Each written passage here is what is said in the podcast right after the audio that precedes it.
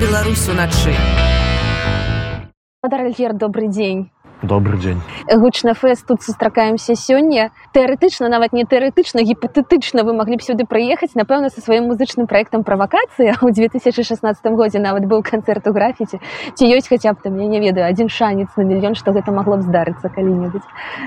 Правакацыя гэта штосьці што было вельмі даўно даўно і няправда я давно гэтым не займаюся гэта такая вясёлая частка маёй маладосці. Дзесьці там на пачатку нулявых усё гэта кан канчаткова заглухла і я развітаўся з гэтым праектам і успамінаю пра яго вельмі рэдка. Для мяне літаратура і тады і цяпер значыць нашмат больш. І да музыкі я, я ўжо 20 гадоў як не збіраюся. Але ў 16 годзе быў канцэрт у клубе графіці это быў такі аднаразовы такі ностальгічны акт нейкі. Мы просто сабраліся тады все і вырашылі што мы зробім штосьці такое вясёлае на адзін раз. Але гэта быў файны вечар файны канцэрт. Шмат людзей прыйшло і шмат было ўспамінаў. Але з таго часу мы ўжо больш і не бачыліся. Я маю на увазе з, з музыкамі з маімі Я прочитала, что вы распавядалі, што вы слухаеце класічную музыку, але вы не расказалі, якую музыку вы любіце. Для мяне як і ў літаратуры, так і ў музыцы, так і выяўленчым мастацтве для мяне галоўнае гэта талент і таму як бы не не асабліва важна, якім жанры гэта, якой форме. Вось так я люблю класічную музыку. Я люблю напрыклад вагнера, я люблю Шастаковіча, я люблю мусарскага. Я слухаю іх рэдка, але атрымліваю вялікую асалоду. Але ў той самы час я часам слухаю рок-музыку таксама часам нейкую авангардовую музыку. То бок у любым жанры, в любой форме, в любую эпоху я лічу была таленавітая музыка і была бездарная. Заўсёды можна знайсці штосьці для сябе, але для мяне музыка не, не значыць так шмат. Вельмі рэдка, вельмі пад настрой, так. Для мяне літаратура гэта самае галоўнае жыцці я ёй дыхаю я не ведаю як бы я без яе жыў яна надае сэнс майму існаванню ў гэтым свеце прынцыпе пра літаратуру пра кнігі пра творчасць я, я думаю напэўна 24 гадзіны на суткі уначы раніцай у, у любой сітуацыі. Вы назвалі вагнера шастаковіча мусарскага напэўна асацыюецца найперш з такімі яны буйнымі формамі а ў якім аб'ёме ў якой форме зараз вам хочацца працаваць?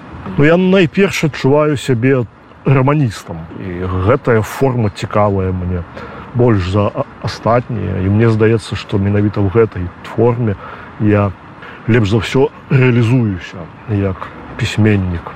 Часам я пішу апавяданні часам я пішу эсеістыку, але мне здаецца, што менавіта роман это тое дыханне, якое мне патрэбнае, каб выказаць штосьці важное. То бок роман гэта найперш голас і дыханне, гэта інтанацыя нейкая пэўная.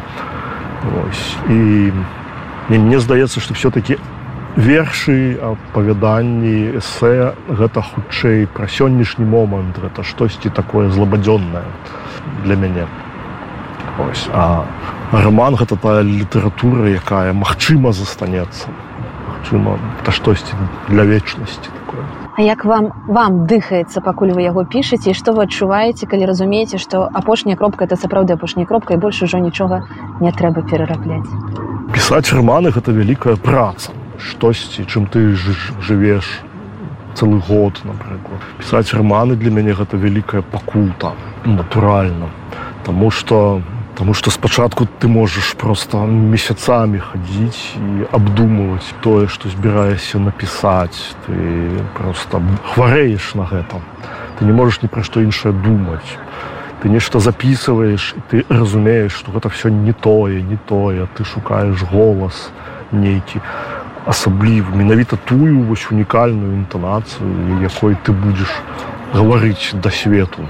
І наогул пісьменніцкая праца гэта азначае што у тебе ўвесь час уключаныя уключаныя мазгі і включаны гэты нейкі прымач унутраны які наладжаны на імпульсы нейкія творчыя ты нават можаш нічога здавалася б не рабіць просто валяцца на канапе можаш там ісці по вуліцы але все роўна гэтая праца яна ідзе. У гэтым сэнсе вельмі добра разумею ольгу такарчук якая таксама сказала в адным з інтэрв'ю что для яе гэты гэты працэс ён ніколі не перапыняецца чтобы абсолютно неважно чым ты займаешься дадзены момант праца над романом все роўна ідзе яна няспынная ну а, а калі роман дапісаны не ведаю мне здаецца это одно з, з вялікіх таких мастацтваў вельмі важных уменняў для любога пісьменніка любога аўтара. Гэта зразумець дзе спыніцца дзе паставіць кропку. Тому что інакш інакш можна пісаць адзін твор усё сваё. жыццё ўвесь час яго удасканаліваючы перапісваючы. Трэба трэба калісьці спыніцца ідэальных тэкстаў не, не, не бывае.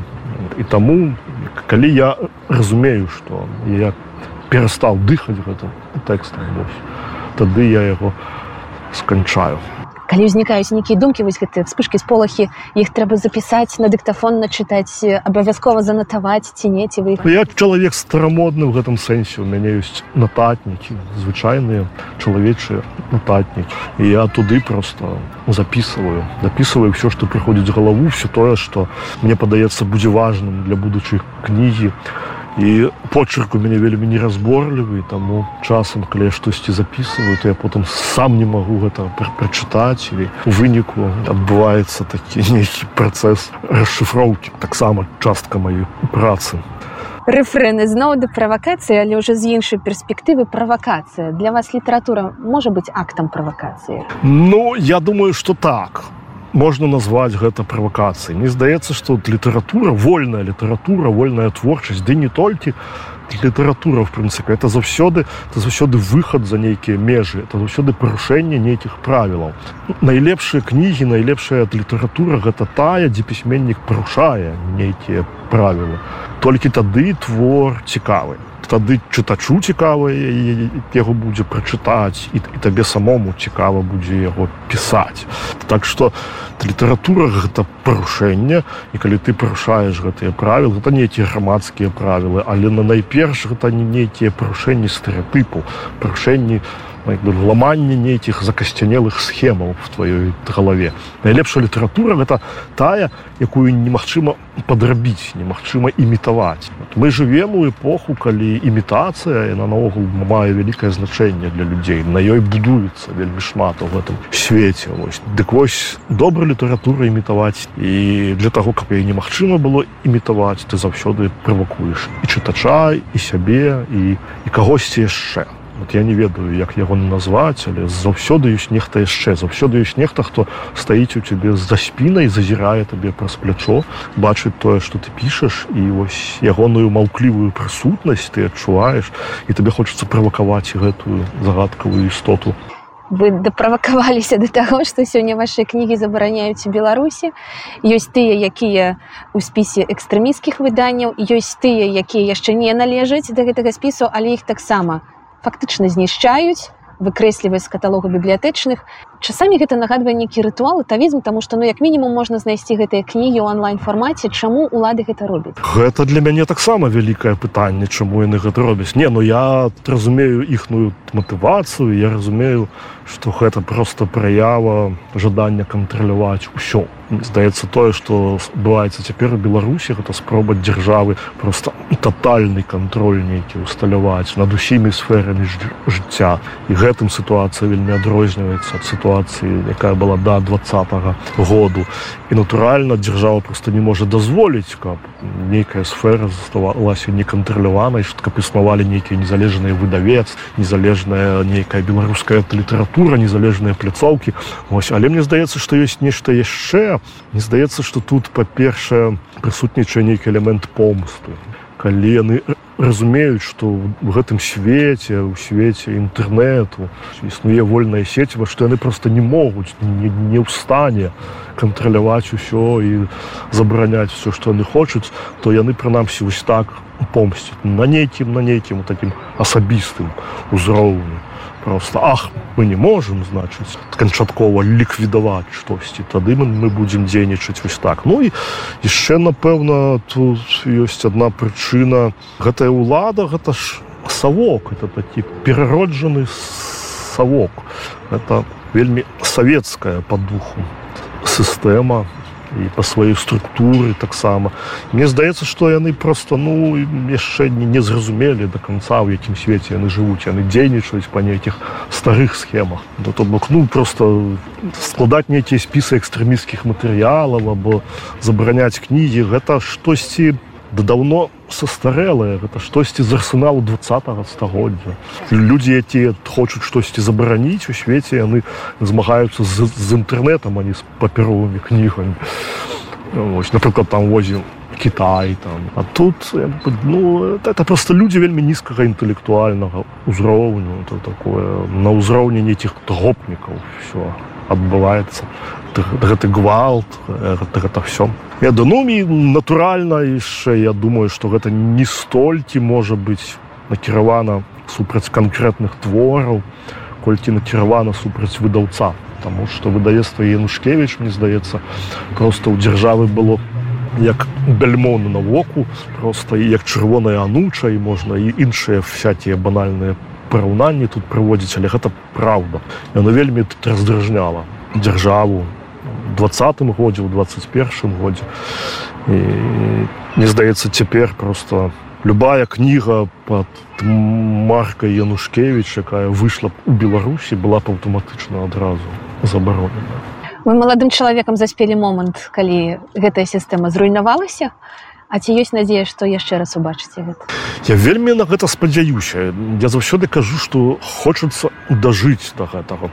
Я разумею, што мне не, не так шмат часу засталося на гэтым свеце, можа 20 гадоў, можа 25. Вось вельмі хацелася, каб цягам гэтых 25 гадоў зноў зноў адбыўся гэты выбух і адчуць все тыя эмоцыі это вызваленне пабачыць просто як эта сістэма просто лясніца як она просто наш мецце вся разляціцца гэта, гэта вельмі было бы цікава. Мне вельмі цікава што здарыцца з гэтым светом калі пуцінская імперія распадзецца калі вот лукашэнкаўская гэтая дыктатурка пошлая таксама знікне. Я які эфект гэта будзем мець?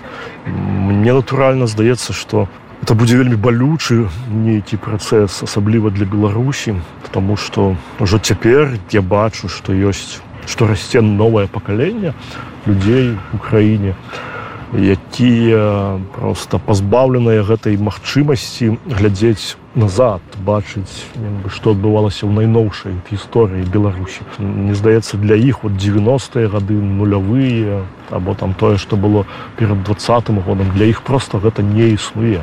І мне здаецца што свабода для беларусі калі яна все-таки прыйдзе на яшчэ і ў тым каб людзі вспомнілі што што ў іх была вельмі бурлівая гісторыя змагання гісторыя супраціву.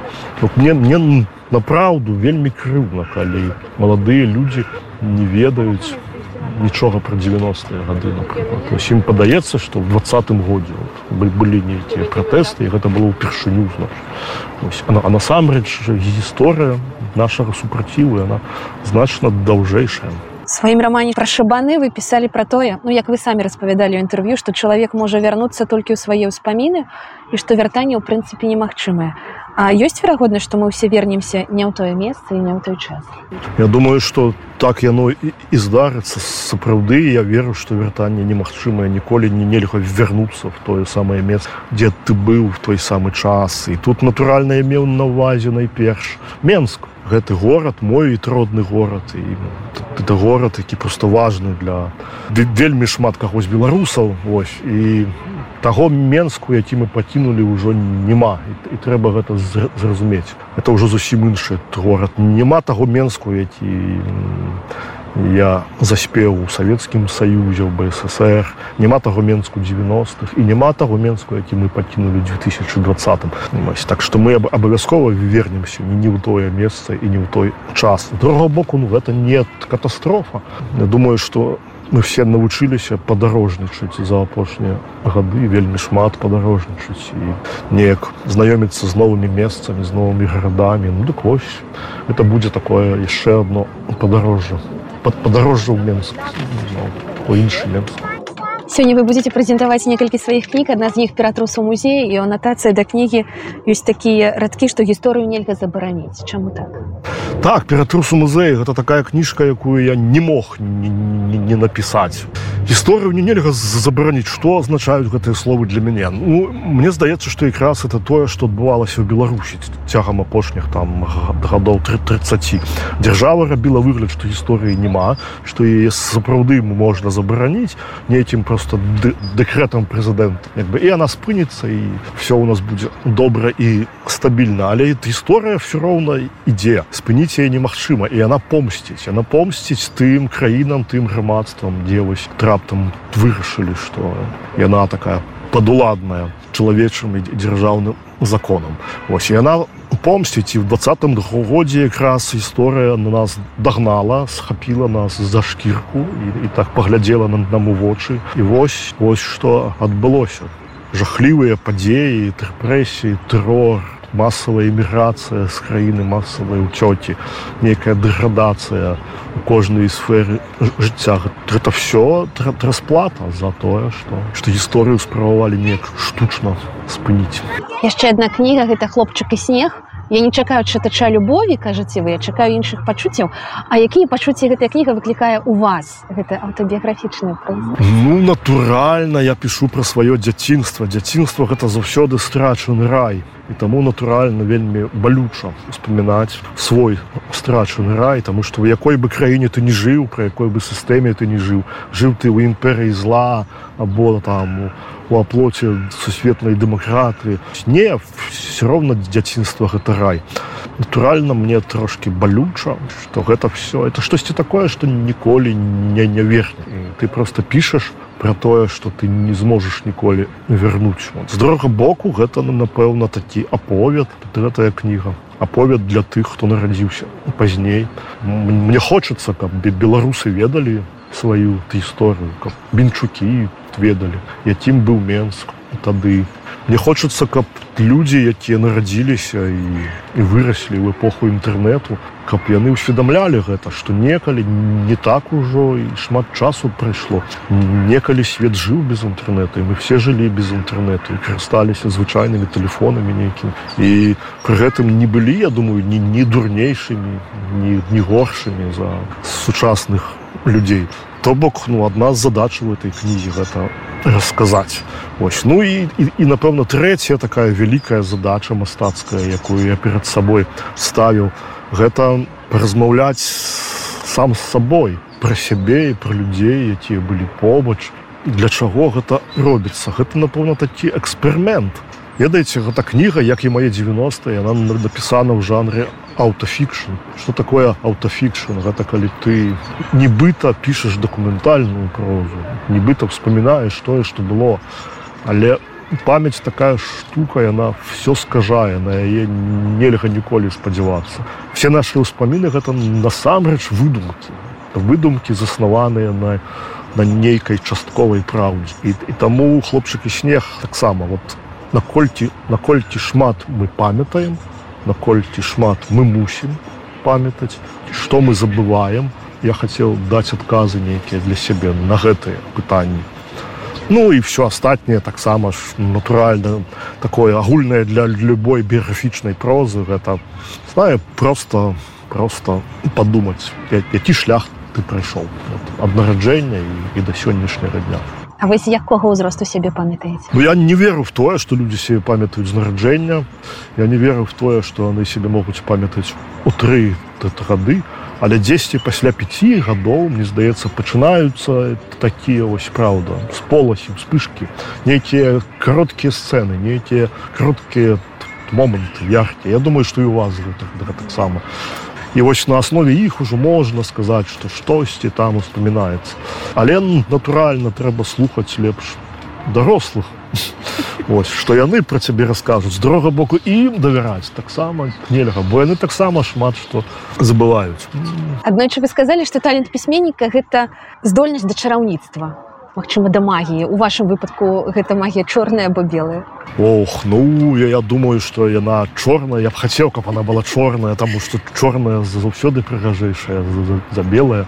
Ну для мяне прынамсі ну так. Ведаю калі я я кажу што пісьменніцтва гэта чараўніцтва што літаратура гэта чынавіцтва я маю на увазе што выключна з дапамогай словаў ты можаш выклікаць пахі ты можаш выклікаць нейкія выявы ты можаш з пустаты абсалютна стварыць свет. Літаратура неверагоднае мастацтва в этом сэнсе яна для мяне пэўна самая складаная з усіх мастацтваў. Таму што кіно выяўленчае мастацтва карыстаецца візуальнымі вобразамі те в прынцыпе мы ну, усе можемм спакойна успрымаць музыка таксама але літаратура карыстаецца выключна словамі вот ты чытаеш добрую кнігу таленавітую кнігу і ты нават адчуваеш як там пахне все як пахнуць людзі як пахнуць дрэвы ось як пахне ў пакою ў нейкім ты ты чуеш просто галасы ты чуеш мадуляцыі ты чуеш ты бачыш най, найтанчэйшыя ценні всяго. І гэта выключна за дапамогай слова. Для мяне это просто ну абсалютная магія. Як словы складзеныя пэўным чынам расстаўленыя в пэўным парадку як яны могуць ствараць цэлы свет. Ты і бачыш і чуеш нюхаеш ось якія у вас сёння адносіны са словам гэта матэрыял для вас штосьці іншае. Ну пасля двадцатого году мае гэтыя стасункі са словом трохі змяніліся бо я таксама адчуў як іншыя беларускія літаратары што што мы мусім не толькі пісаць тое што што мы хочам і не толькі гуляць в свае гульні не толькі займацца гэтай магіяй. Слова гэта цяпер і зброя таксама і мы кожны з нас мы, мы мусім гаварыць пра Беларусь пра яе трагедыю пра яе катастрофу пра наш супраціў калі мы жывем на захадзе у экзылі то тым больш мы мусім гэта трабіць. Наша важная задача цяпер гэта расказваць на захадзе расказваць пра тое што адбываецца ў беларусі. Таму што калі мы не будзем гэтага рабіць вольным свеце то вельмі хутка ўзнікне ілюзія што беларусі все спакойна і нармальна і все людзі адзінадушна падтрымліваюць гэты рэжымы падтрымліваюць вайну. На захадзе гэта працуе так. Калі ты не гаворыш калі ты маўчыш то перакананасць адразу ўзнікае што все спакойна і, і няма нават ніякіх тэмаў. Таму мы гаворым.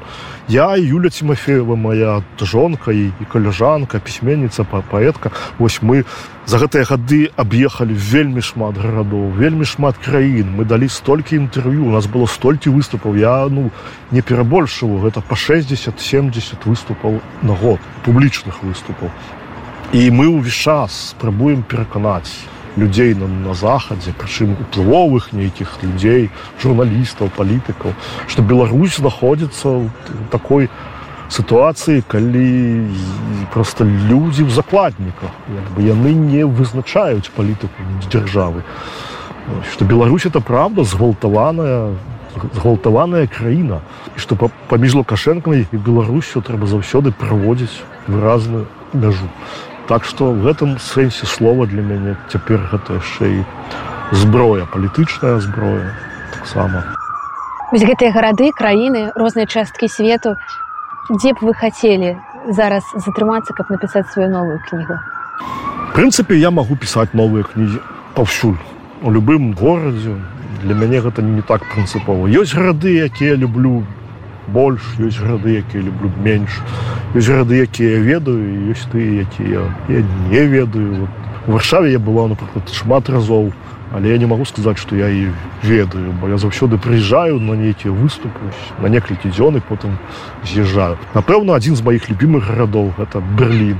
У берліне я б хацеў жыць і працаваць і я яго я ведаю добра. Это мой горад. Я люблю трыест але колькі яшчэ гарадоў на свеце? Все не, не наведаеш. Вот мы з юлей тимофеевай пабывалі ў аўстралію пачатку сакавіка. Это было цудоўнае падарожжа а для іда нам вельмі спадабалось Мачыма я бы мог напісаць новую кнігу там. Але цяпер мы жывем у швейцарыі у маленькім горадзе цугу недалёка ад цюрыха. І там я пишу новы траман і думаю что до конца году я яго скончу і у наступным годзе Мачыма мы яго выдадзім по-беларуску что ён будзе? Зноў жа такі пра Беларусь.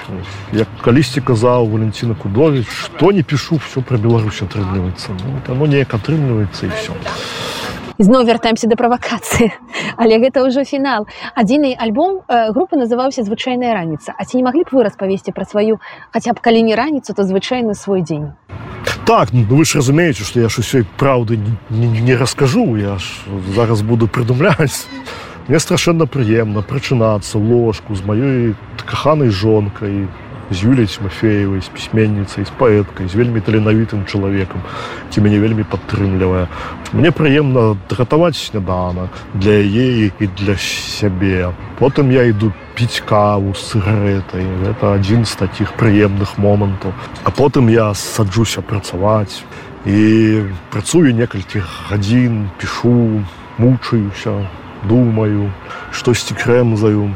Потым я гатую обед у нашай сям'і обеды гатую я. Наогул я тут кухар у нашым саюзе пісьменнікаў з двух чалавек увечары я яшчэ некалькі гадзін працую за кампутарам ну і яшчэ мы ідзем на нейкі шпацар з юлей тому что мы так часто бываем і живвем у новых гарадах что у заўсёды хочацца даведацца што гэта за месца якая ў яго гісторыя якая там аура дзе тут на найлепшыя месцы самыя цікавыя.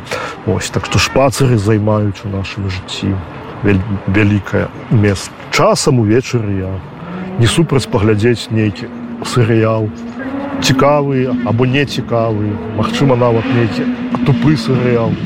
Ось але штосьці што дапамагае проста трохі пераключыцца Таму што як я ўжо сказаў на пачатку нашай размовы літаратура это штосьці такое што трымае цябе 24 гадзіны на суткі ты нават калі спіш ты нават ува сне штосьці такое робіш звязанае з творчасцю Таму вот это пераключэнне это яго вельмі цяжка знайсці я абсалютна не супраць выпіць келіх віна а то і два. Мы живвем у такіх гарадах дзе беларусаў звычайна вельмі мало. Таму мы даволі рэдка сустракаемся з нейкімі знаёмымі людзьмі або сябрамі гэта адбываецца толькі калі мы кудысьці едзем выступаць. Ну, вось прыкладна вось так выглядае дзень. Апошні спадар альгерт ці не маглі б вы назваць тры найлепшыя беларускія кнігі з пункту гледжання гісторыі з пункту гледжання сённяшняга момант не ну тры тут не назавеш безумоўна але з тых з клясыкі з беларускай. Гэта для для мяне абсалютна класным романам падаецца. Запіскі самсона самасуя Андрэя мрыя. Это, это вельмі класны пісьменнік это вельмі класны твор якім можна транарыць. Паэзія алеся тразанова такая что прыкладзена любыя мовы яна яна будзе гучаць она вельмі разумная і тонкая. Шэнны назову такое імя мехась стральцоў гэта таксама здаецца адзін з найлепшых беларускіх пісьменнікаў два стагоддзя. Вельмі шкада што ён так мала напісаў і яшчэ больш шкада што яго так мала памятаюць. Ну а калі браць сучасных пісьменнікаў то я бы мог назваць вельмі шмат імёнаў.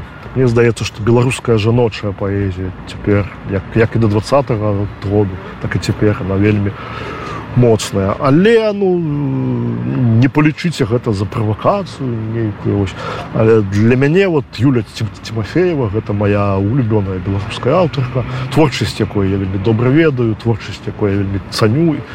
Не таму что она моя жонка але магчыма таму что яна моя жонка. Я настолькі добра ведаю творчасць і магу просто всім раіць. жыве Беларусь уначы.